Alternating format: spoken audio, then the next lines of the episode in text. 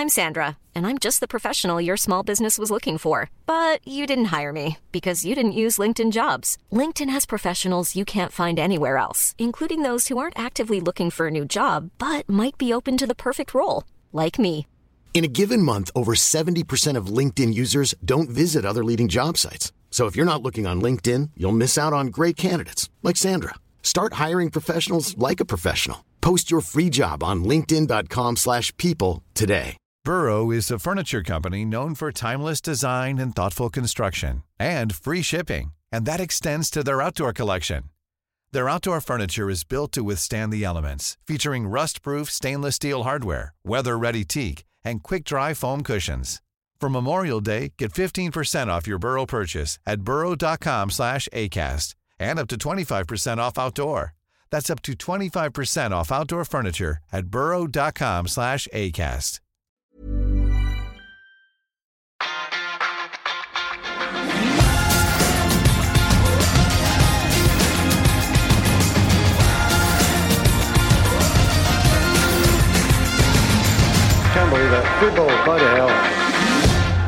Da Erik Den Haag fikk jobben som United-manager, så kjørte vi en forside på United-supporteren der Erik Den Haag var Walter White fra Breaking Bad. Nå sitter Hank, Hank på dass og leser Leaves of Grass. Og det er like før han skjønner at Walter White er Heisenberg. Det nærmer seg nå, Fredrik. Ja. Um, så naiv uh, som jeg er, så er jeg sånn at jeg var forberedt på en nedtur i sesong to, jeg, og at um, Og at han skal få hele, hele sesong to, før man uh, på en måte vurderer posisjonen hans. Men det er jo noe med de meka- mekanismene og tingene som skjer her, Mm. som gjør at det utvilsomt føles veldig nære. For denne filmen, den har jeg sett mange ganger før, og den ender som regel fryktelig dårlig. Klink terningkast én-film, liksom. Ja. Vi må vel snart betale gjestene for å stille opp her, men vi har med oss en som tvert imot står i gjeld til oss. For Hannibal, han blei ikke utvist, Henrik. Stemmer det. stemmer det Jeg meldte jo eh, tidlig i eh, chatten vår at jeg veddet eh, noe av det edleste vi har på denne jord, nemlig 200 herlige gram med fruktnøtt, på at han skulle bli utvist. Det ble han ikke, så da er her, Eivind. Gratulerer. Hjertelig tusen takk. Hva var oddsen på det veddemålet der? Nei Den var lav. Den var lav. Jeg gikk jo ut med en voldsom selvtillit, da. For han var jo fryktelig bajas der ute på. Og når han begynner eh, Den første taklingen, og så den andre taklingen, og så begynner han å Akkurat som han teaser dommeren litt med å begynne å kaste ball uh, over uh, Newcastle-spillerne når de har fått frispark. Så jeg, da, var jeg, da så jeg det røde komme. Hadde det vært Mike Dean, klink rødt. Det er jeg sikker på. Så to bytter i pausa. Mm. Hannibal kommer allikevel på. Uh, Fredrik, eh, jeg skal kose meg med, med fruktnøtten min. Den vil sikkert ikke du uh, ha noe av, men tusen takk, Henrik. Ja, for jeg er jeg- åpen for flere veddemål i framtida. ja, for jeg sa jo som Henrik her, at um, jeg tror også at den ryker nå. Ja. Men i og med at det var fruktnøtt i potten, så sto jeg, så sto jeg fint over. men du hørte på United-sanger i bilen, du, da. På vei til jobb. Åh, det er så mørkt. Ja, Blir det lysere av å høre på United-sanger, tenker jeg. Nei, jeg har vokst opp med at det er en sånn eh, Mamma satte på den da jeg var små, når vi kjørte sånn til Rakkestad og besøkte besteforeldre og sånn. Så eh, da var det It's All About Belief. Eh, men det er, det er mørkt, ass. Og jeg, jeg, jeg vet ikke om jeg vil dele dette med dere, fordi Da må dere love å ikke bruke det mot meg. Fordi den derre fruktnøtt Altså, nå har ikke jeg spist noe fruktnøtt, men, men det er så mørkt at i går satt jeg seint opp og trøstespiste. Og så. Farmen i reprise. Ja. må ikke mokkabønner. Det var Nei, jeg, jeg gidder ikke. Jo, jo. Nei, hør nå. Det er så bad. Jo, Halloweengodteri til barna. det er, det, er, det er nesten mer skammelig enn det som skjedde på Old Trafford, det. Da må vi begynne å få inn eh, Begynne å få inn noe profesjonell hjelp til eh, Uno-gjengen. Du sitter og spiser godteri til ungene Ehm, ja, uh, vi er i gang. Uh, takk for at du trykka på play. Vi uh, vil egentlig bare begynne med å si at vi bøyer oss i støvet for engasjementet som eh, er der ute hos eh, dere som fortsatt elsker Manchester United og ser matchene og deler engasjementet deres med oss. Vi skal prøve så godt vi kan å ta det med i podkasten. For vi har et veldig bra program i dag, altså, så det er verdt å høre på videre. Det blir mindre Fruktnøtt og Breaking Bad utover, men vi skal vi skal begynne, vi skal få en litt sånn poetisk start vi, på den, denne episoden her.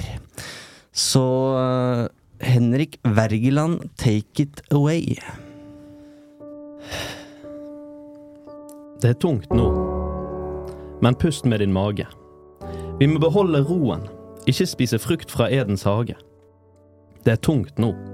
Klubben vår ligger brakk. Men la oss vente med å finne frem rep og krakk. Det brenner for Ten Hag, det gjør det faktisk. Evans foran Varan, er det best taktisk? Ut med Casemiro, inn med Casemiro og ut igjen. Og så inn igjen. Ikke lett å bli klok på. Blir det enda en dør vi må sette krok på? Vendepunkt mot Brentford, vendepunkt mot Sheffield, vendepunkt mot København. Vanskelig å ikke tenke Ferguson, Heinz og Rooney, for det er et savn. Fra vondt til verre, til verst. Og til verre igjen. Ingen tvil om at det brenner i positive Dag sin penn. Ten Hag, ten sag, ten hammer og spiker. Du må grave dypt i verktøykassa, for folk skriker. Noen skriker på din avgang, noen på sjeik Yasim, og noen på Ratcliffe av typen 25 Kanskje det er den lille gnisten som trenger å bli tent. Men hva er det egentlig vi trenger? Ny styreformann, ny trener eller mer penger? Spørsmålene er mange, svarene få. Og ja, jeg har en knekk. Men én ting er sikkert, det hadde ikke blitt ve Da. Men én ting er sikkert, det hadde ikke skadet med en viss argentinsk venstreback. Wow! Så det er Det var skrevet Wow. før uh, Newcastle-kampen, da. Det spilte ingen rolle. Nei. Den var like likegyldig i dag. Sto seg fint, den. Det er- Tålte tidens stand. Det er meget sterkt, Henrik. Og, og det, var, det var liksom så bra hele veien at det ble bare enda bedre av den lille, lille sånn skjønnhetsfeilen på slutten. Helt nydelig. Pust med magen. Ja. Veldig bra. Sterk innledning på episoden. Mange gode referanser. Eh, og likte selvfølgelig aller best eh, den om den argentinske venstrebekken din. Han skal vi aldri glemme. Han skal vi aldri glemme. All right. Uh, vi har uh, så vidt kjørt i gang. Uh, og United, for de som ikke har fått med seg det, tapte jo da altså 0-3 for Newcastle i ligacupens fjerde runde. De står nå med 0-6 eh, på de to siste matchene Paul Trafford mot eh, City og eh, Newcastle. eh, og vi må altså tilbake til både 60- og 30-tallet før vi finner lignende statistikker. Og da går eh, alarmen, eh, Fredrik. Selvfølgelig gjør den det. Det er eh, det, Som jeg sa, det er liksom det, Tingene som skjer nå, peker bare mer og mer i en retning vi Skal vi inn i denne syklusen igjen, hvor vi bare annethvert år, eller hvor ofte det nå er, eh, bare kvitte oss med hverandre, fordi jeg har jo null tillit til den spillergruppa. At ikke de skal hive han under bussen på et eller annet tidspunkt. Jeg tror jeg sa under båten forrige episode. av en Eller annen syk grunn. Jeg vet at det er Ordsmer bussen. alle mann her. Under eh, bussen, ja. Eh, men ikke sant Det laget her ser jo ikke ut i måneder siden. Og nå trenger Ten Hag å vinne fotballkamper. Det er en helt avgjørende periode med forholdsvis enkle kamper på programmet. Vinner du ikke mot Fulham nå på lørdag, og du ender opp med å nærmest ryke ut av Champions League ved å ikke slå FCK, og deretter ikke ta tre poeng mot Luton, da Mm. For nå er det backburt. Nå! Mm. Og så går du inn i det programmet her med bokstavelig talt kniven på strupen. Så det her er eh, sånn Dette er en vanvittig ekkel situasjon å være i, og det er ingenting spillmessig som tilsier at det laget er kapable til å vinne fotballkamper i nærmeste framtid. Jeg, jeg er livredd for denne spillergruppen her. Fordi at det som du sier det er, Jeg ser ingenting som tilsier at de har den spiriten for å reise seg. Du, det er jo to kamper siden vi akkurat var ferdig med en uh, treseiers streak. Nå kommer vi inn i tre kamper som vi skal vinne. Og forrige gang de vant de tre kampene, så det gjorde jo ingenting med lagmoral. Det, gikk, det var ikke sånn at de gikk ut på i, i kampen mot City og du kunne se at ja, vi er et lag som har vunnet de tre siste kampene og kommer inn med selvtillit. Og det, jeg, jeg ser ikke at det skal skje i nærmeste fremtid heller, så jeg er redd, rett og slett. Mm. Bekymret er ikke dekkende, jeg er redd. Mm.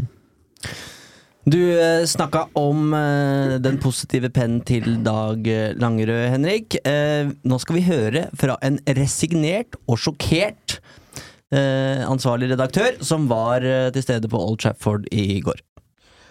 Hei gutter. Jeg er faktisk litt sjokkert over hvordan jeg kommer til å konkludere overfor dere nå, men eh, jeg har tenkt litt på vei hjem fra stadion og Old Trafford i kveld. Først et veldig sinne eh, blant veldig mange rundt meg. Et sinne jeg ikke har sett på samme måte live før sjøl. Så en ekstrem resignasjon blant de som orka å bli. Og det så dere sikkert på TV-bildene også, at det var veldig mange som gikk. Og da dommeren blåste av, så hadde jeg sjøl åtte ledige seter ved siden av meg, og det føltes halvfullt ut igjen. Etter kampen, når jeg tusla hjem, så var det noen enkeltbiler med United-fans som forsøkte seg litt med sånn 'We'll keep the red flag eh, flying high', men det ble vel nærmest møtt med latter, og det føltes mer som ironi. Altså, vi har tapt to ganger 0-3 hjemme på rad. Vi har blitt bua, eller ikke vi, men manageren og spillerne blitt bua ut ved pause over slutt to ganger på rad. Vi lå under 2-0 ganske tidlig, men jeg kan ikke faktisk huske noe annet enn Brunos ene store sjanse som, som virkelig stor sjanse. Og det føles ikke helt ut som det kom overraskende på. Så sinne, resignasjon og også delvis litt sånn likegyldighet over at man på en måte bare Ok, sånn er verden blitt. Sånn er United-verden blitt. At vi aksepterer at vi blir knust på hjemmebane av lag som Newcastle. Den er ekstremt farlig. Noe annet jeg syns er farlig, det er faktisk det jeg kommer til å si nå. Og det er I forrige episode så snakka Eivind litt om det han hadde hørt om stemningen i United. Jeg mener Eivind sa at det er dritt, er det han hadde hørt. Og nå har jeg vært her i elleve dager, folkens, og hva er det jeg har hørt fra folk jeg stoler helt på? 100% Jeg har hørt akkurat det samme. Og det betyr at vi ser ikke ut på banen, og vi ser tydeligvis ikke ut utenfor banen. Og da lurer jeg på hvordan i all verden skal vi tro at dette her skal snu? Jeg har gitt opp jeg litt i kveld. Jeg tror ikke det er noe vei ut av dette her. Jeg tror akkurat nå at vi er inne i en periode hvor det nå handler om når er det manageren skal gå. Eh, Det kan godt hende han overlever hele sesongen, men det kan godt hende han forsvinner mye raskere enn det også. Og problemet med det er jo at vi har jo de samme eierne, eh, selv om vi kanskje får inn Sir Jimmy med noen prosent. Vi har den samme gjelda. Vi skylder de samme pengene vi gjør til andre klubber. Vi har den spillertroppen vi har. Så hvorfor i all verden skal dette her da endre seg, selv om vi skifter en manager? Det kommer jo ikke til å gjøre det. Og derfor så er jeg ganske knust nå, for det, dette betyr, gutter, at vi er stuck i trøbbel nå. Men vi er antageligvis det også om ett år, og to år, og tre år, og fire år, osv. Akkurat nå så er det ingen vei ut av dette her. Og den er tung. Nå åpner jeg den eh, fruktnøtten her, fordi det ansiktsuttrykket til Henrik da Dag fortalte at eh, han har gitt opp, det, da fikk jeg rett og slett litt vondt av deg. Så hvis du har lyst på fruktnøtt, trøstespise litt, vær så god. Vi har ikke halloween-godteri til unga dine her, eh, Fredrik, men uh, du får kose deg med sjokolademelka di. Jeg, jeg, sa, for, eh, jeg sa jeg la, Ok, jeg la et, ett premiss for at jeg skulle dele det mørke greiene her. Det var at dere aldri skulle bruke det mot meg. Og her sitter vi syv og et halvt minutt senere, og så hiver de under båten. Nei, jeg tulla. Bussen. Bussen. Jeg vet det. Ja, dette var mørkt. Dette var rett og slett vondt å høre på. Ja, eh, Har Dag rett, syns dere? Er vi stuck ikke bare nå eh, i 2023 med Erik Den Haag og, og den, det eierskapet vi sitter med, men også sannsynligvis i flere år framover? Er det så mørkt? Hvor naiv eh, vil dere at jeg skal være? For jeg, jeg, jeg, At du skal være ærlig, ja. Ja, men jeg, jeg er naiv, og om det svekker troverdigheten min, jeg vet ikke. Men uh, igjen, håpet er de 25 prosentene, og at de kommer inn og ser at det, må gjøres noe strukturelt i klubben, og at det, er, og at det gjøres forhåpentlig på ganske kort tid. Du får inn riktige folk, du får inn folk i riktige stillinger med kompetanse. Det hentes inn flere At du kopierer vinnerformelen til, til City og Liverpool, da, sånn som de har holdt på. Hvis det skjer i løpet av de neste seks månedene, så tror ikke jeg det tar fire år før United begynner å ligne på den. Da, da kan det skje hva er tilliten din til at det skjer endringer så fort? Nei, selvfølgelig, den er jo minimal, men, men jeg, nå tror jeg det foregår noe. Eh, men så kan jeg også se for meg at eh, hvis Ineos kommer inn på eiersiden med 25% og skal styre sportslig, så, så er det nå et støy som ligger der, som gjør at det kan absolutt tenkes at de har lyst til å starte med fullstendig blanke ark, og bare Det prosjektet med Tenag, det orker ikke vi å begynne å rydde opp i. De har en unnskyldning for å gjøre en endring i Absolutt, managerstolen. absolutt. Og jeg kan dele en liten ting som jeg hørte i går. Eh, det er nettopp det jeg sier nå. At det er ikke utenkelig at de har lyst til å begynne med helt Fordi det er en opprydningsjobb som nå begynner Det begynner å ligne på en opprydningsjobb, da. Eh, og Kieran McKenna sitt navn ligger Nei, i potten der. Og da, og da all, all ære til den enorme jobben han gjør der han befinner seg akkurat nå. Det er sånn sinnssykt imponerende, og all den kritikken han fikk i Perun United var åpenbart veldig overdrevent. Men skal vi nå bevege oss fra Ten Hag til McKenna, altså få det så langt bort som overhodet uh, ja, Jeg er fortsatt en Hagen. Jeg, uh, jeg sitter Det er naivt! Det er naivt, ja. Det er naivt. Men, men grunn, grunnen til det er Grunnen til det er at ingenting vil løse seg av å sparke den. Ingenting. Med mindre du har nye eiere som gjør de tingene. Så ved å, ved å kvitte seg med manageren nå, så får du kanskje god stemning i troppen igjen Mm. uh, i en viss periode, og så skjer det samme igjen. Det, det, dette vil gjenta seg. Sånn er det i Manchester United. Sånn har det vært helt siden Ferguson forlot det. Spillerne har, har ryggen din en liten periode, og når det butter imot, så peker alle på deg, og du er problemet, du må ut. Og så gjentar det seg. Så for min del kan han bare Han kan få til å prøve å snu dette han, helt til alle ser at det er umulig. Vi begynner å bevege oss dit, men det er ikke umulig ennå. Det er bare ekstremt vanskelig. Sånn som jeg ser det. Og så er det hans ansvar, hovedsakelig. Sånn, vi, vi, må, vi må selvfølgelig peke på Ten. Det ser ikke ut. Hvor er coachinga? Hva er det de prøver på? Vi aner ikke. Og så, grunnen til at det også er naiv, er når vi lista opp topp Når vi hadde Uno Awards på tampen av sesongen i fjor, så lista vi opp topp fem United-spillere. Hvem var de fem viktigste for Ten Hag denne sesongen her? Jeg mener, når jeg skal ta det på husken nå, at navnene var Lisandro Martinez, Luke Shaw, Casemiro, Bruno Fernandes og Marcus Rashford. Nå er Lisandro Martinez og Luke Shaw utilgjengelige, og det kan du nesten si at de tre andre er òg. Du har da de, dine fem viktigste spillere som ikke er i nære, altså som enten er utilgjengelige eller ikke er i nærheten av å levere. Og hvilke andre er det som leverer? De nest beste som fikk sjansen i går, de leverte intensitet i. Det var det de bidro med. Det var det de hadde å komme til bordet, liksom. Og da er det noe gærent med manageren også. Hvis, hvis de ikke Det, jeg, jeg, er jeg, syns jo. Jon Martin sa det godt i forrige episode. Uh, altså Det er ikke puls i pasienten som Ragnhiks ville hjerteoperere. Uh, det er ikke en liten tå engang som, som det er litt grann liv i. Det er Over hele linja så er det fullstendig dødt, og det gjør at det i lang tid har vært vanskelig å klamre seg til noe som helst håp. Det har ikke vært en Rashford i form eller en Bruno Fernandes som går foran på den måten som Roy Keane ønsker, eller Og heller ikke noen sånn, sånn endring i eierskapssituasjonen som, som gir noe annet enn et litt naivt håp, da. Og det som skuffer meg mest med det her, for å gå litt tilbake til ansettelsen som, som vi snakka om her, med, med Erik Den Haag som Walter White. Altså, han kom jo inn som den fotballtreneren som skulle sørge for at Manchester United spilte god fotball, og så var eh, det mange andre spørsmål knytta til eh, om han kunne håndtere garderoben osv. Men det bunnivået vi ser nå, det, det hadde jeg aldri sett for meg at vi skulle oppleve med Ten Hag. I begynnelsen av sin United-karriere så bomma han jo på en del kampplaner fra første minutt. Eh, Så han måtte gjøre endringer underveis, men traff i hvert fall med det. Han klarte å endre et kampbilde fra sidelinja, men nå syns jeg han ser eh, veldig mye mer resignert ut, og en helt annen energi på de pressekonferansene enn det han har hatt tidligere. Han har sittet der etter kamper mot Brentford eh, som har vært stygge. Altså for så vidt hatt gode svar på hvorfor ting ikke er som, som det skal være. Og som du også var innom, Fredrik. at også etter gode matcher så kunne han utfordre litt Ja, men dette her er ikke Dette er ikke bra nok. Det er ikke her vi skal være. Så den derre Svaret hans handla gjerne om 'we want to', og det, det, var en veldig sånn klar filosofi der. Men nå så, så kommer han jo med svar på uh, for eksempel da at Evan skal, skal spille foran Varan, så, som gjør at fansen bare river seg i håret. Hva, hva, er, det som, hva er det som skjer her?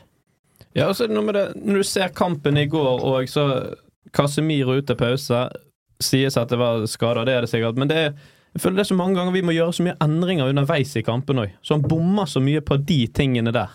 Og i, i går så skulle vi jage, øh, jage scoring. Vi må opp i banen. Og så er det liksom inn med to spillere som har sin forse defensivt. Mm. Amrabat og Fambisako. Det mener jeg må være helt legitimt å stille spørsmålstegn med. Vi trenger mål, vi trenger energi i laget. Uh, vi, må, vi, må, skape noe. Og så kommer det inn to stykker som uh, låser igjen som sin uh, uh, hovedoppgave, og som det de er best på. Mm. Så det er sånn, og jeg føler også sånn, hvis man zoomer litt ut og ser dette i det større bildet Dette har jeg sett før. Mm. Det føles veldig ut for meg som begynnelsen på slutten. Og det er av det enorme presset som bare kommer til å fortsette og fortsette og fortsette. Det er måten Ten Hag opptrer på egentlig i sin helhet. Han sier han er en fighter, og at han er klar for dette her. Men jeg, jeg føler at man ser en endring fra hvordan det var når vi slet i første sesongen kontra andre sesongen. Og Det var det første Ten Hag snakka om på den pressekonferansen. Jeg tror det ordet han, eller det uttrykket han brukte mest, var 'fighting machine'. United skal, og det hadde jo han sett under Ragnhild det siste halvåret. Der. Her er det jo ingenting igjen. Her er det jo ingen soldater som er villige til å gå i krigen. Så det er steg én. Vi skal bli en fighting machine. machine. Mens det her ligner jo veldig på Solskjærs siste dager. Når han tapte 0-2 mot City, så var jo konklusjonen litt sånn Du kan tape mot City, men ikke på den måten der. Du kan ikke være Hvorfor er du så langt unna nå? Og det er akkurat de samme spørsmåla vi sitter med nå med Ten, Hag. Solskjær dro til Watford, tapte 4-1, var ferdig. Ten Hag tapte nå 0-3 mot Newcastle, og nå går alarmen. Ja, den, den, gjør sånn virkelig det, og den endringen er jo så lett å se i Ten Hag. Eh, og er det, er det, en sånn motløshet fordi han føler at uansett hva jeg sier eller prøver å coache ham på, så er de ikke mottagelige for det? Liksom, og det, det fritar jo ikke han fra noe ansvar, men det gjør jo Jeg mistenker jo også at det spiller inn her, da. Eh, men jeg hører også ting om måten det trenes på, som er eh, urovekkende. Og jeg skal ikke skryte på meg å ha kilder i verken City eller Arsenal, men visstnok er det sånn at Arsenal og City i mye større grad fokuserer på det taktiske på treningsfeltet. I Manchester United så, og på Carrington så trenes det visstnok med en helt enorm intensitet og langt mindre fokus på det taktiske. Og det synes jeg også at man ser ganske tydelig. Mm. Det er en helt annen energi i motstanderlagene til United, og det er en helt annen taktisk forståelse. Det syns jeg man nesten ser i kampene. Det er akkurat som de mangler en sånn sprut i beina. Mm. Og bare på de første meterne. Og det er noe av det verste som supporter å sitte og se på. At du føler sånn at Løp nå! Du, det ser ut som du løper i sirup, liksom, i de første meterne. Og så er jeg litt sånn òg Jeg syns i går, kampen i går, hvis jeg skal peile oss litt inn på den, så er det sånn sinnssykt mye dårlig valg fra United-spillerne. Anthony som spiller vegg med Amrabat på midten der i andre omgang, har to meter forsprang. Og har liksom no, no, Newcastle-spillerne jager, så stopper han opp. Mm. Og så spillerne skyter når de bør sentre, sentrer når de bør skyte. Jeg føler at det òg er veldig sånn gjennomgående. Mm. Og da er jeg så litt sånn Hvor mye kan vi klandre Ten Hag for akkurat de valgene som spillerne gjør ute på banen? Det er jeg også, og har vært veldig opptatt av, at det er noen ting der som overhodet ikke skal være nødvendig å coache på dette nivået. Uh, jeg også stussa over Amrabat innenfor Casemiro, for jeg tenkte at United trengte noe annet. Men uh, at han tar ut Dalot i pausen, etter den skrekkomgangen hans Nå har jeg vært trener i sjette divisjon hele den sesongen som var. Usikker på om du ville hatt inn Dalot der. Men den, den feilen han gjør, Ja, en sånn type feil, ser du knapt på nivå seks i Norge. Sånn helt Mm. oppriktig. Eh, så det, det hylla jeg, at den bare nådeløs rett ut. Det her funker ikke. Men, men selvfølgelig, eh, det er åpenbart noe galt med coaching her, og så er det åpenbart noe galt med spillergruppa også, så dette henger så vanvittig sammen. Hovedansvaret vil alltid være på treneren, men fy for en utakknemlig oppgave det er å lede den gjengen der. Det jeg også syns er skummelt her, da, er at når jeg teller over hvor mange av hans egne signeringer som faktisk er reaksjoner i år, så er tallet syv. Det er syv av hans egne signeringer som er med på å tape 0-3 mot et reserveprega Newcastle i endringer. en turnering der du er tittelforsvarer. Så ser det sånn ut. Wow. Det er fælt, og det er litt sånn uh, Han har fått hentet inn de spillerne som han vil òg, og de, liksom der han traff med Lisandro Martinez og Casemiro i fjor, da. Der har jo han gjerne bommet ditto, sånn som det ser ut nå, med Mount, eh, med Amrabat. Hva syns dere om eh, Mount i går, som på en måte får sjansen da, til å vise hva United eh, mangler når han ikke spiller? det, han prøver jo. Jeg føler det er masse vilje der, og han vil. Eh, og det har jeg på en måte sittet med følelsen over hele sesongen av at han vil, og at egentlig spillerne vil, men det er bare de får det ikke til. Og det er litt sånn Det føles enkelt å si det, men jeg føler det er det som er sånn kampen var for Mount i går òg. Han vil og vil og vil, og prøver og prøver og prøver, men det lugger noe vanvittig. Om det på en måte står på han, eller om det står på Ten Hag, og måten han blir brukt på, måten United spiller på, det er ikke jeg faglig kompetent nok til å svare på. Men eh, Nei, eh, han grep ikke sjansen, for å si det sånn. Det, det, jeg, det jeg føler om eh, Mount, da, er at han skulle på en måte inn i en ny rolle som han måtte coaches og lære seg for å håndtere, og da er du avhengig av at maskineriet rundt deg fungerer. Og det er det jo overhodet ikke. Så han kommer ikke til sin rett. United forstår ikke helt hvordan de skal bruke den, og United vet jo heller ikke hva de skal gjøre utpå der. Så det er helt enig med han prøver og prøver, og han får det ikke til. Og det som på en måte ble lysglimtet med Mount-prestasjonen i går, er det skuddforsøket som Men, ja, men det sier jo Ja, alt. Ja, det mener jeg. Så mørkt er det faktisk. Ingen puls i uh, pasienten. Mountains are there to be climbed, aren't they?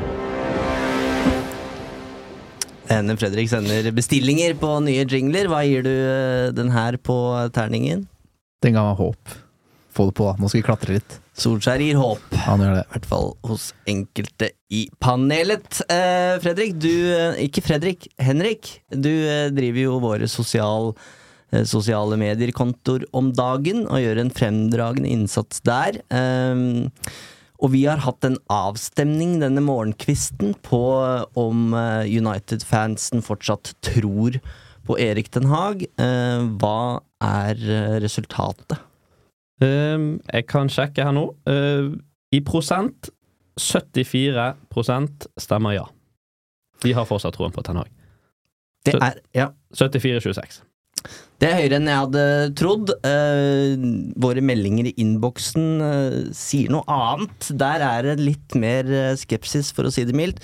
Men vi skal se litt på scenarioene. Eh, Erik Den Haag er manager for Manchester United inntil eh, det motsatte er bevist, for å si det på den måten. Eh, men det brenner, og Vegard spør må hele sesongen være kjørt før det skjer noe. Thomas eh, spør er det spillere eller er det manager som må byttes. Og vi starta jo med en film eller seriereferanse her med Breaking Bad. Jeg vet ikke om dere ser Walking Dead, men er det en Dead Man Walking vi ser på her? Ikke ennå. Nei, jeg tror heller ikke det. Ikke ennå. Og mitt hovedargument det er for hva skal man gjøre? Hva skal man bringe inn nå, midt i sesongen? Så henter man inn da kanskje en um, Zidane, eller hva enn det måtte være, en McKenna. Vi skal ta den lista, ja. Altså, uansett hva det måtte være, da. Men de kommer inn, sitter seg på kontoret, og så ser de sånn hm, Lisandro Martinez, han vil jeg ikke ha i mitt uh, stopperpar. Han er for liten. Casemiro, han ville jeg hatt, men for fire år siden. Han er ferdig. Amrabat, hvorfor hentet dere han? Antony skal i hvert fall ikke ha i mitt lag, han passer ikke min spillestil. Eh, og, så, fortsetter listen, da. Så skal han bare renske ut alle de Den Haag-spillerne, og så skal han hente inn sine egne i januar. Hvor mye får han lov til å hente inn der? Eller så skal han sette ting helt på hodet. Jeg, jeg tror ikke det er løsningen, altså. Da er det inn i samme hamsterhjul som vi har vært i de siste årene. Da mener jeg faktisk, helt oppriktig, det er bedre at Ten Hag sitter ut, og så blir det The Walking Dead hele sesongen, da. Da får han bare sitte, så får vi bare overleve. Satse på å få frem noen unggutter, eller finne et eller annet uh, håp for å klatre dette fjellet. Og så får man heller begynne på nytt etter sesongen, hvis det er det som er planen. Men om det er det som er det beste, å begynne på nytt da heller, det vet jeg ikke. Jeg føler vi har sett dette så mange ganger før. Så ja. Og det er, det, er, det er jo dette, som Henrik sier nå, som gjør at jeg sitter så, sitter så rolig i Ten Hag-båten. Fordi jeg ser jo også problemene som er i United. Jeg ser en manager som ikke fungerer. Jeg ser det. Så det er ikke et sånn derre håpløst forsvar av en manager som jeg bare ja, jo, han er kjempeflink, han. Jeg er helt enig i all kritikken han får, jeg. Fullstendig enig. Men hva løser seg? Hva er det som ordner seg? Bortsett fra potensielt på veldig kort sikt, da. Kanskje Rashford glimter til og får tilbake spillegleden, liksom. Men du vet at det er på, det er på lånt tid. Du vet at det er en Maksimalt får du en korttidseffekt av det. Derfor vil jeg mye heller at det oppgjøret bare tas Bare sitt der med Ten. Bare la han gjøre nesten hva han vil. Finne ut hvem disse råtne folka i garderoben er. Bli kvitt dem en gang for alle. Jeg vet at det er umulig å bli kvitt en spillerstall framfor en manager. Det skjer aldri. Og spillerne, spillemakten rår. De får det som regel akkurat som de vil. Ikke la den bortskjemte gjengen der få det som de vil. Vær så snill. Det var det jeg også elska med Ragnhild. Han bare fortalte ting som det var. Fortalte hvilken bortskjemt gjeng han hadde med å gjøre, og la problemene fram. Der de i alle år har blitt beskytta, før de bare til slutt stikker kniven i ryggen på manageren sin. Så jeg sier ikke at det vil løse seg med Ten Hag. Jeg tror ikke vi er på punktet hvor det er uløselig. Jeg tror fortsatt den løsningen fins et sted, men den blir stadig, stadig vanskeligere å finne. Men ikke sparken. La heller dette nå. Det, det, det er derfor, for det fins ingen løsning. Spark manageren. Det, det løser ingenting. Det løser ingen verdens ting, tror jeg. Problemet er hvis det blir verre at Ten Hag er der, og det, den feilen har United gjort før med José Mourinho. Han satt for lenge, og det blei jo Du du måtte jo på en måte Ja, Sky-kameraene måtte jo filme at uh, Mourinho og Pogba nesten slåss på Carrington før det på en måte var over. Og da har det gått for langt, for da påvirker det da, da, da blir kulturen og stemninga i klubben så dårlig at det blir en enda større jobb for nestemann som skal inn og rydde opp. Og i, forskjellen her da, på Mourinho og Ten Hag er jo ganske stor med tanke på deres approach til eh, lederskap. Mm. så jeg tror jo ikke Ten Hag er en som som gjør ting verre i garderoben enn det det er, på sett og vis. Men her er det resultater som styrer alt, da. Og når du hører hvordan Dag beskriver stemninga Paul Trafford for øyeblikket, så skjønner du at han er avhengig av noen gode opplevelser nå de neste matchene. Hvis ikke så, så, så har man kommet til point of no return, og det blir det blir nesten for dumt å ikke gjøre en endring. Og så kan man snakke om ok, skal man da finne liksom den neste manageren for, de neste, for det neste prosjektet umiddelbart? Eller skal man hente tilbake en viss moldenser til å bare være, ta et lite vikariat? Eller er det Carrick som skal inn og, og bare lede det ut sesongen? Det er på en måte neste spørsmål, da. Ja. Og jeg så du var veldig hisse på grøten Nei, der, men jeg du ga meg jo- ikke. Og der, nå glemte du sikkert det du skulle si. Nei, jeg skulle, jeg skulle på en måte arrestere deg på Mourinho-greiene her, fordi er det én ting jeg faktisk har tillit til Ten Hag på nå, så er det at han er i hvert fall der at den kulturen han prøver å innføre, den er sunn. Så uavhengig om, mis, om om spillerne mister tiltroa til dine eh, fotballfaglige ferdigheter, hvis, hvis den, så har jeg likevel troa på at Ten Hag prøver å stake ut en kurs som er til det beste for United. Den fyren er ikke Mourinho. Han river jo alt med seg før han går ut, liksom. Han, han ødelegger alt, og så stikker han. Det tror jeg ikke nødvendigvis Den Haag gjør. For her er det noe med Det er fortsatt problematisk for Ten Hag å få med seg alle på den strenge eh, tilnærmingen han har tatt med seg inn. Vi ble fortalt at han gikk rett inn der og skulle rydde opp, eh, som var veldig positivt, som, som alle visstnok omfavna. Men det er også blitt sagt at folk eh, var liksom sånn sjokkskadd nærmest over hvor strengt og disiplinært ting skulle være. At folk nærmest gapa sånn wow, er, er det så ille? Og noen befinner seg visstnok fortsatt der, og da er det for meg åpenbart at de er problemet, ikke han. Så den tilliten har jeg til at det kan pågå ganske lenge uten at Ten Hag blir gift for klubben. Mourinho ble gift for klubben, og Ten Hag kan bli gift for spillergruppa ved at han mister garderoben og at, han, at de ikke lenger har tro på han. Men der synes jeg er veldig store forskjeller, som gjør at jeg også tenker at jeg kan leve lenger med Ten Hag enn jeg kan med mange andre. Men spørsmålet er om spillergruppa kan det. Fordi han må jo gjøre endringer. Så nå har han gjort ni pausebytter han, på 15 matcher. De som går av i pause, er jo ikke spesielt fornøyd. Eh, Varan er neppe spesielt fornøyd når han vrakes til fordel for Johnny Evans. Eh, Rashford er nok relativt muggen om da. Altså, de ser jo nå på en mann som ikke kommer med de svara som de trenger. Og så kan vi sitte her og si ja, men hallo, dere må se på dere sjøl først, og så videre. Men for stemninga i garderoben så frykter jeg på en måte at man er i gang nå med å vri på et hjul. Dette, det er et dårlig bilde, men uh, de er i ferd med å eh, blande seg inn i en eh, miksmaster som ikke kommer til å stoppe.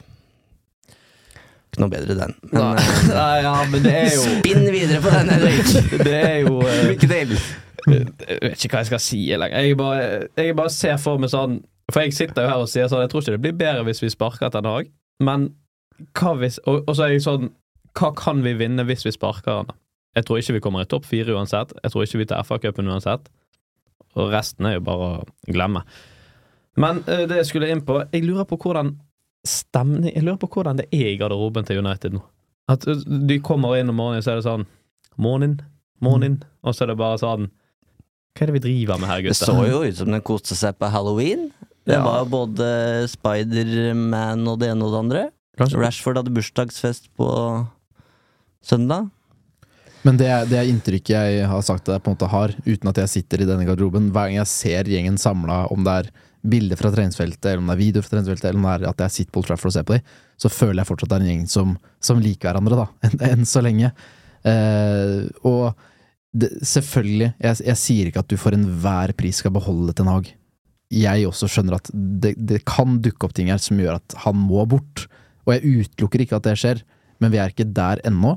Og jeg mener at man skal kunne tøye den strikken ganske mye lenger nå enn om det var Mourinho som for eksempel havna i en tilsvarende situasjon. Um, I'm Sandra, and I'm just the professional your small business was looking for. But you didn't hire me because you didn't use LinkedIn jobs. LinkedIn has professionals you can't find anywhere else, including those who aren't actively looking for a new job but might be open to the perfect role, like me.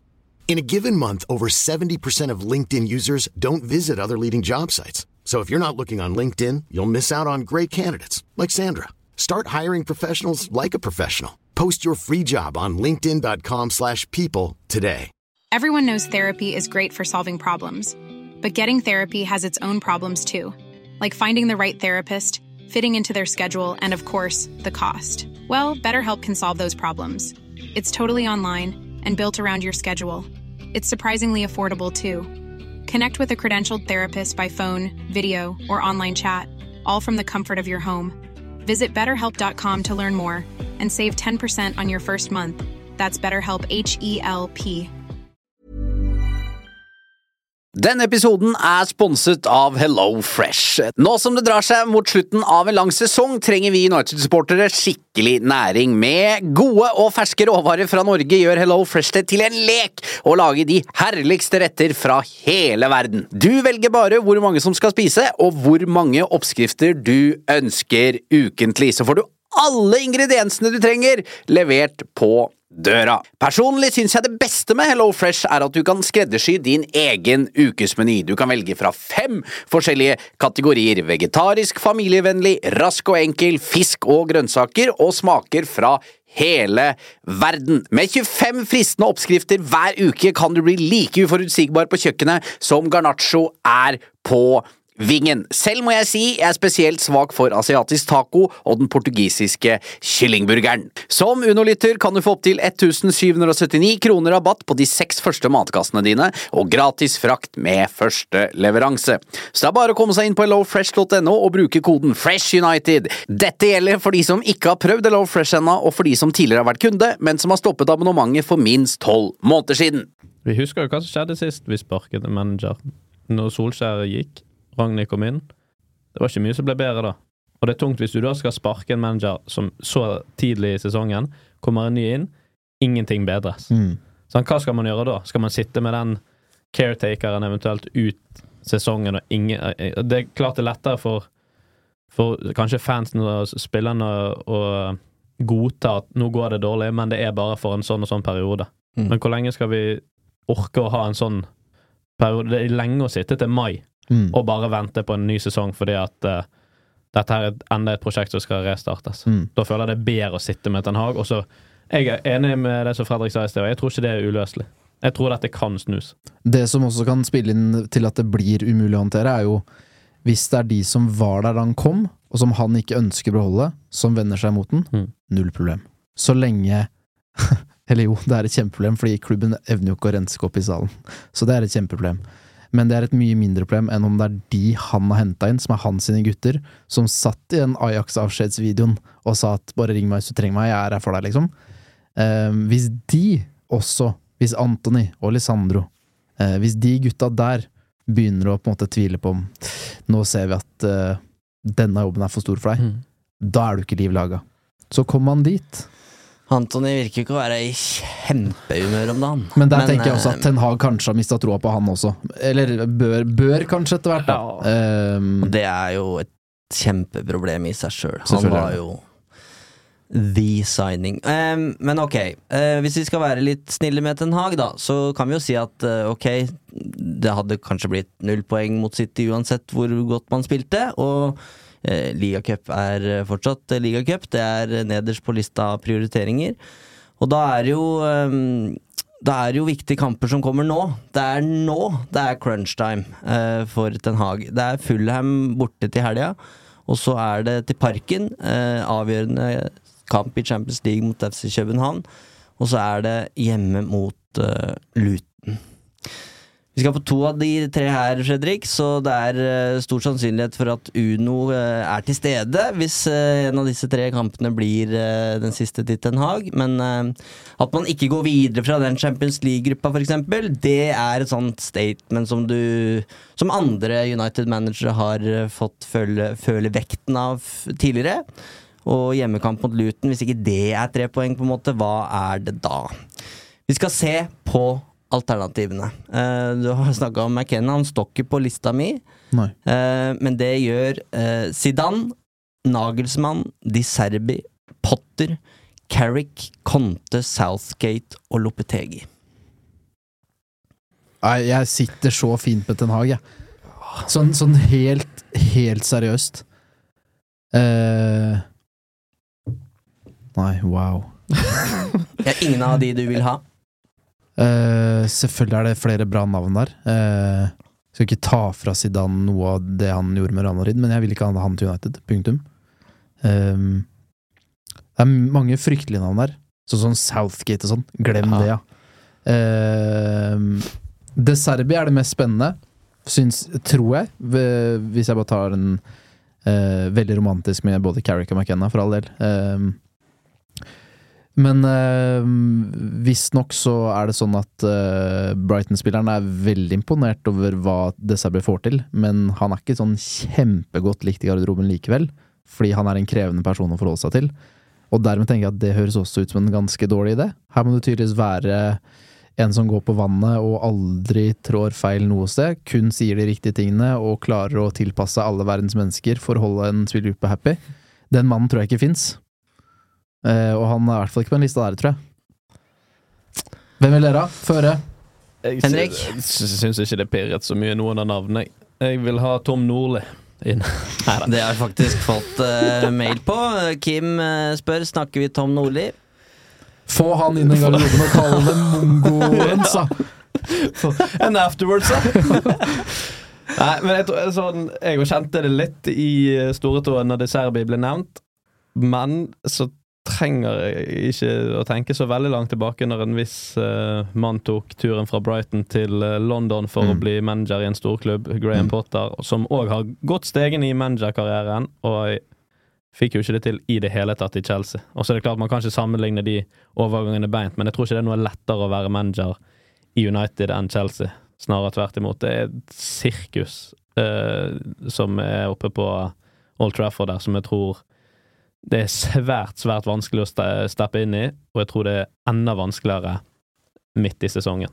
Men bare ta Potter, da, ikke sant? Som jeg tenkte sånn wow, for en fantastisk dyktig manager. Kommer til å bli sinnssykt bra i Chelsea. Se for deg han, da. Eh, taper sine to første matcher på Old Trafford her. Han, helt seriøst, jeg kjenner ikke fyren, selvfølgelig. Vet ikke hva, hvor tøff han er i toppen. Men jeg, jeg ser for meg at han, han står og liksom nærmest pisser på seg når de kritiske spørsmålene kommer. Det er, det, er, det er noe med det presset i United som er uvirkelig, og det er noe med et Altså, du, du finner ikke en så stor bedrift som er så lite velfungerende som det United er, tror jeg. Men Eivind, og så skal ikke arrestere deg, jeg bare spør av ren nysgjerrighet. Fordi jeg sier at jeg sitter rolig i Ten Hag-båten, eh, og så er du sånn Jeg tolker den lista di som at dersom Ten Hag får sparken, hvem ville vi hatt inn? Men hvor befinner du deg? Er denne lista lagd fordi du nå vil ha Ten Hag ut, og du, dette er dine favoritter? Fortell meg. Bare ta meg med Dette på hele Dette er uh, bookmakernes liste. Eh, og så mm, blir vi anklag... Nei, vi blir ikke anklagd, det var slemt mot Munira, men hun skriver at uh, Uno freder uh, Ten Hag. Hva sier dere nå? Så vi må på en måte ta spørsmålet på alvor. Og jeg pff, Det blir så kjedelig at jeg skal si at jeg er i samme båt, fordi mm, det blir så dårlig podkast av det. Eh, men det er ett navn på den lista som virkelig trigger meg. Og det er det ene navnet som jeg skjønner ikke fatter hvorfor står der, og det er Nagelsmann, som er Tysklands landslagstrener. Så at han er nummer to på lista bak Zidane, det gir jo ikke helt mening. Men det er en fyr som jeg håpa skulle være tilgjengelig i forrige sving, for å være helt eh, ærlig. Eh, når United gikk for Ten Hag, da var han i, i Bayern. Hatt et sånn nesten litt sånn fotballcrush på han helt siden han eh, begynte i veldig ung alder i, i Hoffenheim, og har jo vært ekstremt dyktig taktisk, og kan minne litt om det Ten Hag skulle være, i hvert fall. Og han vil komme inn med en helt tydelig idé til eh, Old Trafford. Og så er spørsmålet som jeg alltid stiller Jeg har jo egentlig ikke tillit til at han skal få lov til å komme inn og hva skal jeg si, få den friheten han trenger for å, for å gjøre det som, som trengs. Og det viktigste her er jo at ting skjer i riktig rekkefølge nå. Nå er vi midt i en prosess hvor Manchester United skal omdefineres som fotballklubb. Det blir den største endringa som, eh, som har skjedd i moderne tid. Eh, og det verste som kan skje, er at Glazers nå sparker Ten Hag fordi de ser at nå begynner det å bli røde tall i budsjettene, fordi eh, Manchester United er ikke interessante nok kommersielt. Så nå, nå er vi ute av Champions League. Da veit vi at da kommer det ikke noen flere inntekter fra Uefa eh, eller billettkontoret Paul Trafford den sesongen her. Takk for jobben, Ten Hag. Nå skal vi ha inn Zidane. Eh, nå skal vi ha stjernestøv på Old Trafford. eh, og komme tilbake i Champions League. Og så, etter at den prosessen er ferdig, så kommer sir Jim Ratcliffe inn med sin komité, med Paul Mitchell og Brailsford. Og klør seg i huet bare i alle dager, hva skal vi med han franskmannen der? Det der har ikke vi trua på. Da er, det, da er vi i gang. Da, er, da har vi starta feil på det som sk- skulle være det første steget i riktig retning. Så egentlig så er svaret mitt at den Ratcliffe-komiteen må få bestemme det her. Og så må, må Vi har ikke noe valg. Vi må ha tillit til at det valget de gjør, er det beste for Manchester United, for vi har ikke noe valg. Og det er, jeg, det, er, det er det som er nøkkelen her. Hvorfor skal United foreta seg noe med Ten Hag før den komiteen kommer inn, med mindre de absolutt må? Fordi det har blitt så giftig at det rett og slett ikke fungerer lenger. Da er det greit, men det er, det er ingen grunn til at Glaciers-familien skal ta noe avgjørelse nå, før det har kommet inn en komité som har sportslig kompetanse. Eh, Munira, som mener at vi har freda Ten Hag, jeg er der at det er ikke sånn at jeg det er jo nettopp disse tingene vi, prater om, alle disse mekanismene og strukturen som gjør at hva er vits ved å gjøre noe endring her som ikke fører til noe positivt på sikt. Og jeg har sagt for, eller jeg har sagt, og jeg står for at Ten Hag skal få tid. Det, det har gått mye dårligere denne sesongen her enn det var mulig å se for seg. Jeg var forberedt på en nedtur, rent eh, poengfangstmessig, og at det skulle lugge og gå opp og ned. Det har, det har gått sinnssykt mye verre enn det. Men det gjør at jeg likevel bare sånn jeg, jeg står for det. Jeg, jeg tar ikke og stikker kniven i han- hans, eh, stikker kniven i hans bare fordi det, det lugger litt tidlig inn i en ny sesong. Det, det er liksom, da, da mister man all troverdighet, for jeg står for det jeg sier. Og så må ikke det bli en sånn stahet hvor man blir redd for å endre mening dersom man ser at det er nødvendig. Men jeg er ikke der at jeg ser nødvendigheten eller en positiv effekt av det ennå. Og da er det veldig lett for meg å stå i det. Er det en sånn stahet med at nei, jeg har sagt det, så da, da blir det sånn, da er det feigt. Men det er, ikke, det er ikke derfor jeg tar Ten Hag i forsvar. For jeg tar også og tar han der jeg mener det er riktig å ta han. Og Nagelsmann Nå slipper jeg det ikke til her, Henrik. Jeg beklager. Eh, han har også vært veldig heit for meg på et tidlig tidspunkt. Og så er han ikke det nå. Fordi, Eh, det, fordi han uh, trena i i Bayern. Ja. i Bayern. Mhm. Så han, da er det automatisk at det er ikke det like hett akkurat nå. Og så er det for meg noe med den Ten Hag-sammenligninga du sier med at det kommer en manager fra Ajax United med en ekstremt tydelig filosofi og spillestil, og den er ikke synlig i United 18 måneder inn i hans prosjekt. Jeg syns jeg så konturene av noe mye som var bra i første sesongen. Syns også at det gikk litt sakte, litt dårlig progresjon. Når skal jeg få se det virkelige Ten Hag-eksempelet? Nå ser jeg ingenting. Og hvis ikke Den Haag klarer å sette det stempelet på United, hvordan skal Nagelsmann gjøre det da? Kanskje vi ser det litt i preseason, og så er det litt eh, Og så skjer bare samme tralten igjen, er min stygge mistanke. Og så er det det som Eivind sier òg. Alle, manageren, alle managerne som kommer inn, får jo liksom ikke 100% tillit. Og vi har jo ikke tillit til at den nestemann som eventuelt kommer inn, får tillit til å gjøre sine ting og får tid og bla, bla, bla. Så jeg òg Og jeg syns det er et kjempenyansert bilde. For at Den Haag Det er skremmende å si det, men jeg syns han har overprestert poengmessig. På, på måten eh, Ikke på hvis vi ser før sesongen, men på måten United har spilt det. Hvis vi ser på kampene til United, så har de tatt mer poeng enn de fortjener å ta. Og det er kjempeskremmende. Det er jo tolv røde alarmer som lyser og blinker. Og i tillegg, når du da ser at Sånn som du sier, hvor er Ten Hag-preget? Så kan du si skader. Jeg tror det har masse å si, hvis jeg skal være helt ærlig. Det er klart at hvis du kommer inn, og så kan ikke du bruke noen av de spillerne som du ønsker å bruke, så er det kjempeskadende.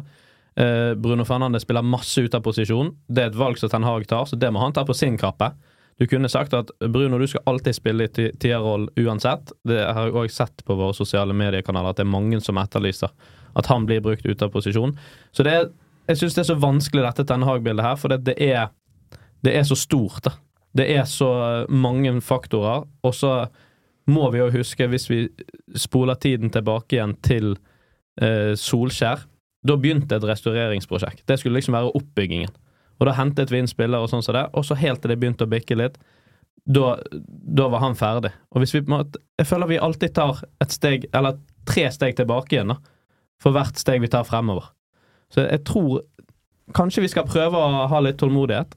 Også for å prøve Vi har jo Til og med Dag har jo resignert. Altså det er jo ingenting positivitet. Men nå kommer tre kamper. Det er tre cupfinaler.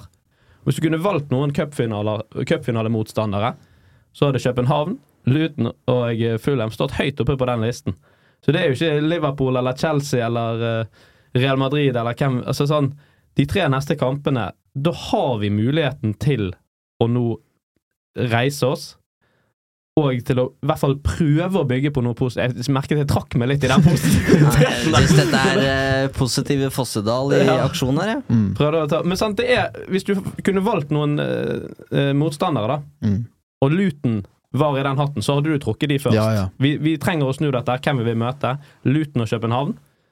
Det er jo to lag som vi skal slå, og som vi potensielt kan klare å bygge noe positivt på. Fotball det er vanskelig, og det er enkelt. Får man i gang en storseier Det er jo ingenting som vitner om det, da, men gjør man det? Brenner man full av banen at nå har Ten Hag nådd gjennom? Spillerne er bare sånn Gutter, nå må vi faen meg Unnskyld. Ta tak i dette her og gjøre noe.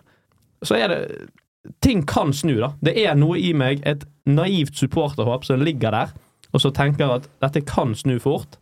Uh, og hvis vi i tillegg er på en positiv note og får tilbake spillere fra skade Kanskje. Kanskje. Your job now is to stand by our new manager. Kloke ord fra Henrik Wergeland der. Nå skal vi dra det litt ned med noen spørsmål. Um, Markus, jeg vil gjerne ha alle stats på Martial denne kampen. Kan ikke være én positiv ting. Og vi lister opp XG 017, expected assists 0,02. To skapte sjanser, null skudd, ett blokkert skudd, 22 ballberøringer, null taklinger. Vant null dueller både på bakken og i lufta, og lagde to frispark. Og det blei vel ikke så mange poeng på børsen heller, Fredrik. Følte meg egentlig ganske raus. Um, han fikk 3,5. Laveste score er 3. Så han fikk jo egentlig 0,5 poeng. Nei, han starter på 6,5, da, så han ble jo trukket 3. Um, er det ikke sånn det egentlig starter? Jo, Eller- han sitter jo Ja. Altså, skalaen går fra 3 til 10, Men- så men da sitter han jo med ja, 0,5. Jeg syns uh, Dalot var banens desidert dårligste spiller. Uh, direkte skyldig i 1-0, svak på 2-0. Uh, tatt av i pausen, og da fikk han tre på børsen av meg. Og jeg syns ikke Martial var like dårlig, men det var nærmest ikke langt unna. Men han var bare totalt usynlig. Og jeg, Så jeg, jeg, jeg, jeg må bare Altså Så har vi Newcastle. Du kan si mye om eh, hvem som drifter den klubben der. Men, men de har da fått kloa i, i han som skulle til United, men som ikke kom pga. noe betting-greier. Så Kirian Kieran Trippier går til eh, Newcastle og herjer der. Hvor mange assist har ikke han den sesongen her? flere enn hele angrepsrekka til United eh, til sammen, i hvert fall. Definitivt. Og så skal liksom, nå skal andrerekka inn på Old Trafford og få prøve seg litt. Og så, og så henter de inn Livramento, som er en talentfull back, sliter med skader, kom fra Southampton. Og han bare Han slår jo både Dalot og 50 millionerskjøpet Van Bissaka bare rett ned i støvla. Det, det sier alt om forskjellen på de to klubbene akkurat nå. Mm. Ja, det er jo Det er vondt å se på. At det er, Og så kan du si at de spillerne som kommer på Old Trafford, blir gjerne grepet av uh, støen på en helt annen måte. Sant? Det er jo en, et kjempehøydepunkt for de å få lov til å spille der. Og da får 20 ekstra, mens eh, våre spillere er på den, eh, det stedet som de er. Men eh, Nei, det Jeg vet ikke, jeg blir matt. Og Martial òg. Det var sånn Jeg tror en av de gutta dine på sjettediv-laget kunne levert like gode stats som det der. Tja. Nei, nei, nei. nei da. Nei, men ikke sant, Martial. Eh, de involveringene hans jeg husker fra Newcastle-kampen, er at den dukker sånn at Mason Mount eh, får ballen i hånda, og at den får tåa på innlegg fra Van Bissaka tidlig i andre gang. Det er liksom Jeg, jeg ser det- ikke Marcial lenger. sant. Han er en sånn Men- blind men- flekk. Men det er jo det jeg sier. Det, det er to Mm. ganger jeg husker at den har vært med i Det må være en av de mest usynlige uh, performance Jeg husker ikke det Mm. norske ordet for performancene. Så vi har Mm. sett Nei, det er ikke noe godt ord. Nei. Forestilling Nei. eller Forestilling. eh, prestasjon, liksom. ja. Altså, det var, det var uh, tror til og med de som er enda mer lei Marcial enn meg, jeg tror det var på en måte enda verre enn frykta for de også. Men Martial har vi jo på en måte gitt opp. Eh, Ja. Også du, Fredrik. Eh, det har vi konkludert med her i podkasten. Jeg får ikke noen forsvarstaler her nå, hvis det er Nei, det dere vi, tror. vi ber ikke om det heller. Eh, men Rodney spør er Garnaccio bare ny Janutsai. Nei. Nei, nei, nei. Garnaccio, han må spille mer. Han må spille mer, han må få tillit. Vi ser det på enormt mange talenter. De trenger tid. De trenger å føle at OK, her kan jeg spille. Jeg tror det er derfor også det For det, det er klart, United kan ikke, har jo ikke den tiden. Og det er derfor jeg tror mange som klager på Åh, de, Brighton og Aston Villa eller hvem det måtte være. liksom De får opp uh, spennende spillere, og de får tid og sånn som der. Den tiden får svært, svært få spillere i United, men jeg syns Garnaccio han, Og nå, hva er alternativet, da? Det er en Rashford som ikke leverer noen ting, verken offensivt eller defensivt. Garnaccio kommer i hvert fall inn med en vilje, og han, det som jeg elsker med han, det er at han er kjempeuredd. Han prøver og prøver og prøver. Blir han riktignok spist opp av uh, Livramento i går, men hvis han liksom Tenk å komme inn da som 18-åring, så vet du at ok, jeg har ikke spilt eh, hele sesongen omtrent. Jeg har kommet innpå og gjort eh, mine saker bra. Nå må jeg vise meg. Nå må jeg klare det. Nå må jeg vise. uh? Da får du en sånn en ekstra byrde på skuldrene dine. Så jeg mener at han må få tid, og i tillegg hva er, hva er det verste som kan skje? At han utvikler seg, at han får litt mer rutine i et United-lag som sliter, kontra å bare sitte på benken og, og bli mer og mer uh, misfornøyd, han òg. For jeg tror ikke han er en spiller som heller er villig til å sitte på United-benken de neste tre årene for å, for å så gå til uh, Bak til Spania, for eksempel. Ja. Men der har vi uh, Jeg sa tidligere i episoden her at jeg, jeg, står for det jeg sier, og jeg husker på et tidlig tidspunkt at jeg har sagt at om ikke Garnaccio er fast United-elveren, og vi fortsatt er i desember, så sitter jeg helt fint til det. Han er fortsatt så ung at vi på en måte ikke trenger å stresse. Men jeg ser jo at det er et tydelig problem der, når du konkurrerer mot Marcus Rashford. Fordi det, det gjør at eh, spilletiden din begrenses. Det gjør den automatisk, hvis det er han du skal konkurrere med om spilletid. Og det er ikke et problem nå, men, men hvis det kun er fra 70 ut, da, hvor han også er best, enn så lenge, eh, når han kommer inn fra benken Han fikk jo sjansen innledningsvis. Ja da. Starta jo de første ja. matchene. Eh, men da var det også fordi han ikke hadde spiss vel, så Rashford starta der framme. Ja, ja. Så Rashford skal jo spille på venstrekanten, og enn så lenge så er det Uniteds største stjerne og viktigste spiller. Sånn, du kan sikkert Mm. diskutere om det er Bruno eller Rashford. Eh, og da, da kan man på sikt se at blir det nok spilletid, er det nok rotasjonsmuligheter for Ten Hag i hvert fall vil ikke bruke den på høyre. Men jeg også tror ikke det er noe Jan Usai der, selv om det har vært trøbbel med holdninger og sånn hos Garnaccio på et tidlig tidspunkt. Så er det noe med den, der, den vanvittige troen på seg selv, som er bare så naiv og herlig. Jeg syns du ser så store forskjeller på Antony og Garnaccio i hvordan tro du har på deg selv. da. Evnen til å utføre det. Jeg ser du at Garnaccio har virkelig tro på at han skal få det til, og han prøver igjen og igjen selv om han mislykkes. Eh, Antony veit at 'jeg må bremse, jeg er ikke rask nok, jeg må slå hjem'. Veldig store forskjeller. Men konkurransesituasjonen òg. Sånn, hva gjør det med Garnaccio sitt hode å sitte og se på Rashford liksom uke inn og uke ut, ikke levere, og aldri få mulighet? Mm. Det, jo, det kan jo ikke være positivt, og det jo, tror jeg, liksom bidrar til litt sånn her uh, surhet i uh, den spillertroppen. Så det er jo litt sånn Hvis han skal på en måte bli tatt ut av laget fordi at han ikke fungerte i de to første seriekampene, og så ser han at Rashford får sjansen i de 13 neste og leverer én scoring, så er det sånn mm, Mm. Da hadde jeg òg blitt litt muggen, altså. Isolert sett så er det en drømmesituasjon å ha to så gode venstrekanter som det eh, Rashford og Garnaccio er. Den konkurransesituasjonen her er helt nydelig. Det må du ha skal du bli en toppklubb. Men hvis ikke det er fair konkurranse, hvis det blir forskjellsbehandling at så, lenge- Som du sier, spiller du to dårlige kamper, så er du ute av laget. Spiller du ti dårlig, så får du fortsatt sjansen til å rette opp inntrykket.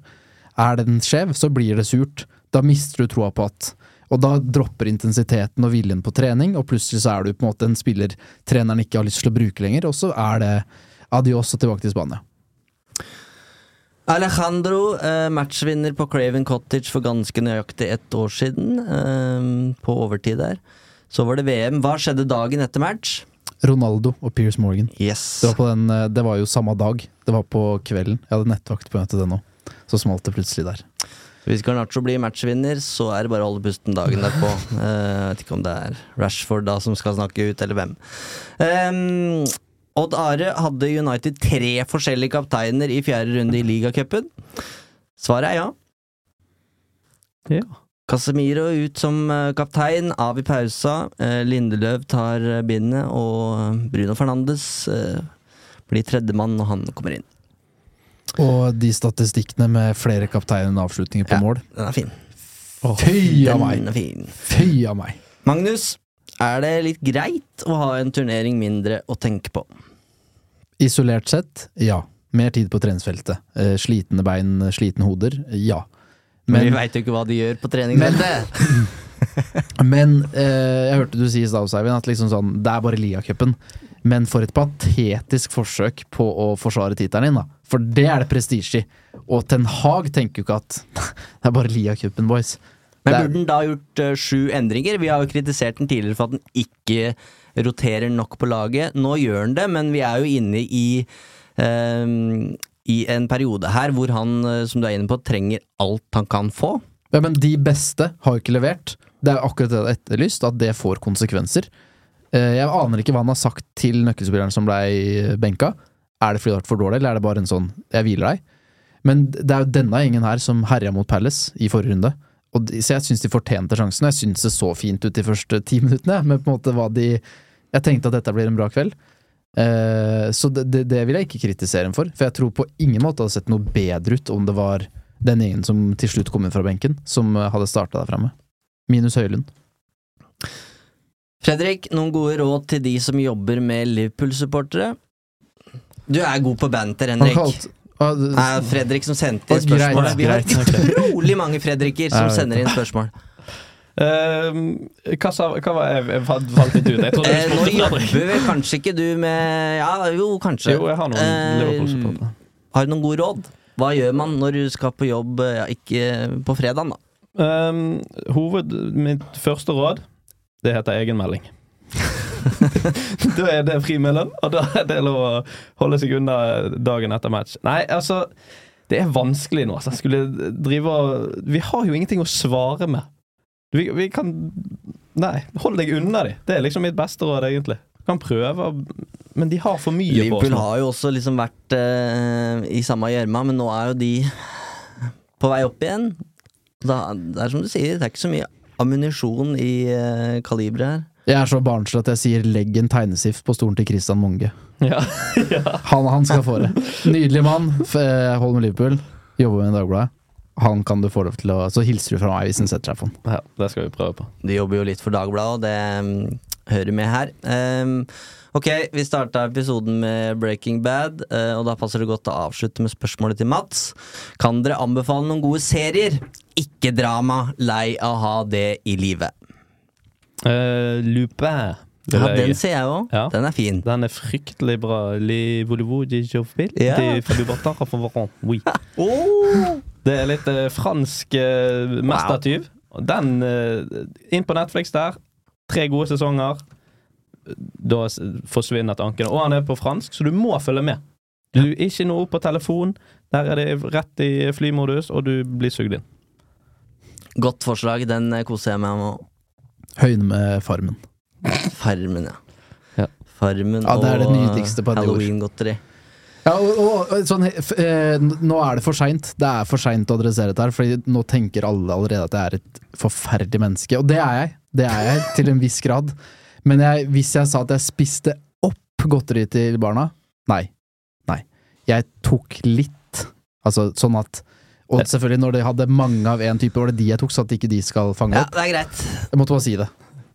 Jeg har to, tre forslag, alle med United-referanser, men for å liksom reparere ditt forhold til Manchester United, så må du selvfølgelig få se, sett Beckham-serien på Netflix. Hvis du ikke har sett den og hørt på podkasten, så har du nesten fått den med deg likevel, for vi har snakka mye om den, men eh, den, er jo, den må du gjennom. Så er det en film fra 2011 som heter United. Det er en spillefilm om Busby Babes. Passer godt nå, eh, med tanke på, eh, på sir Bobby Charlton. Den er, eh, den er ganske fin, altså. Den er jo ikke like bra som en film som du ville gått og sett på kino, kanskje, rent sånn filmteknisk, men verdt å se. Um, den siste er United med din uh, gode venn Håvard Lilleheie, Fredrik. Oh, den er nydelig. Og det, det er mest til foreldre, da. Men hvis du øh, sliter litt med å få din sønn eller datter til å ta på seg rød United-drakt sånn som det er nå, se, sett på den filmen der. Den, den, det er god stemning. Eh, og den er fin, altså, med litt Harald Eia. Den er morsom. Ja, det er en og, ja, det, Enorm film. Og Lilleheie er jo Liverpool-sporter. Ja. Eh, ikler seg Brian Robson-drakta der. Eh, russisk trener er Henrik Mesa, tror jeg. Ja, Noe grei. Noe grei. Spill ball. Din helt, bestemor mot Nei, jeg skal ikke ta den Jo, serien. Men uh, det, nå, nå, nå er jeg klar for litt United-film med Håvard Lilleheie. Faktisk kanskje allerede i kveld. Stjel godteri til unga og sett på United. Hei! To ganger. Greit. Jeg fortjener det. Uh, kom deg hjem, kjøp med litt hal nytt halloween-godteri til, uh, til barna dine, Fredrik. Uh, og så holder du koken på sosiale medier, Henrik. Eh, du har tatt med deg både fruktnett og eh, dikt og franske gloser, så det her eh, Her blir det gjensyn. Meget sterkt, Henrik. Ta vare på hverandre. Tjo hei.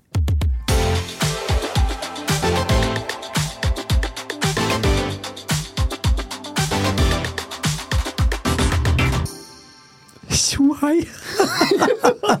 Tjo hei der! Oh, igjen. Mom deserves the best, and there's no better place to shop for Mother's Day than Whole Foods Market. They're your destination for unbeatable savings, from premium gifts to show-stopping flowers and irresistible desserts. Start by saving 33% with Prime on all body care and candles. Then get a 15-stem bunch of tulips for just $9.99 each with Prime. Round out Mom's menu with festive rosé, irresistible berry chantilly cake, and more special treats. Come celebrate Mother's Day at Whole Foods Market.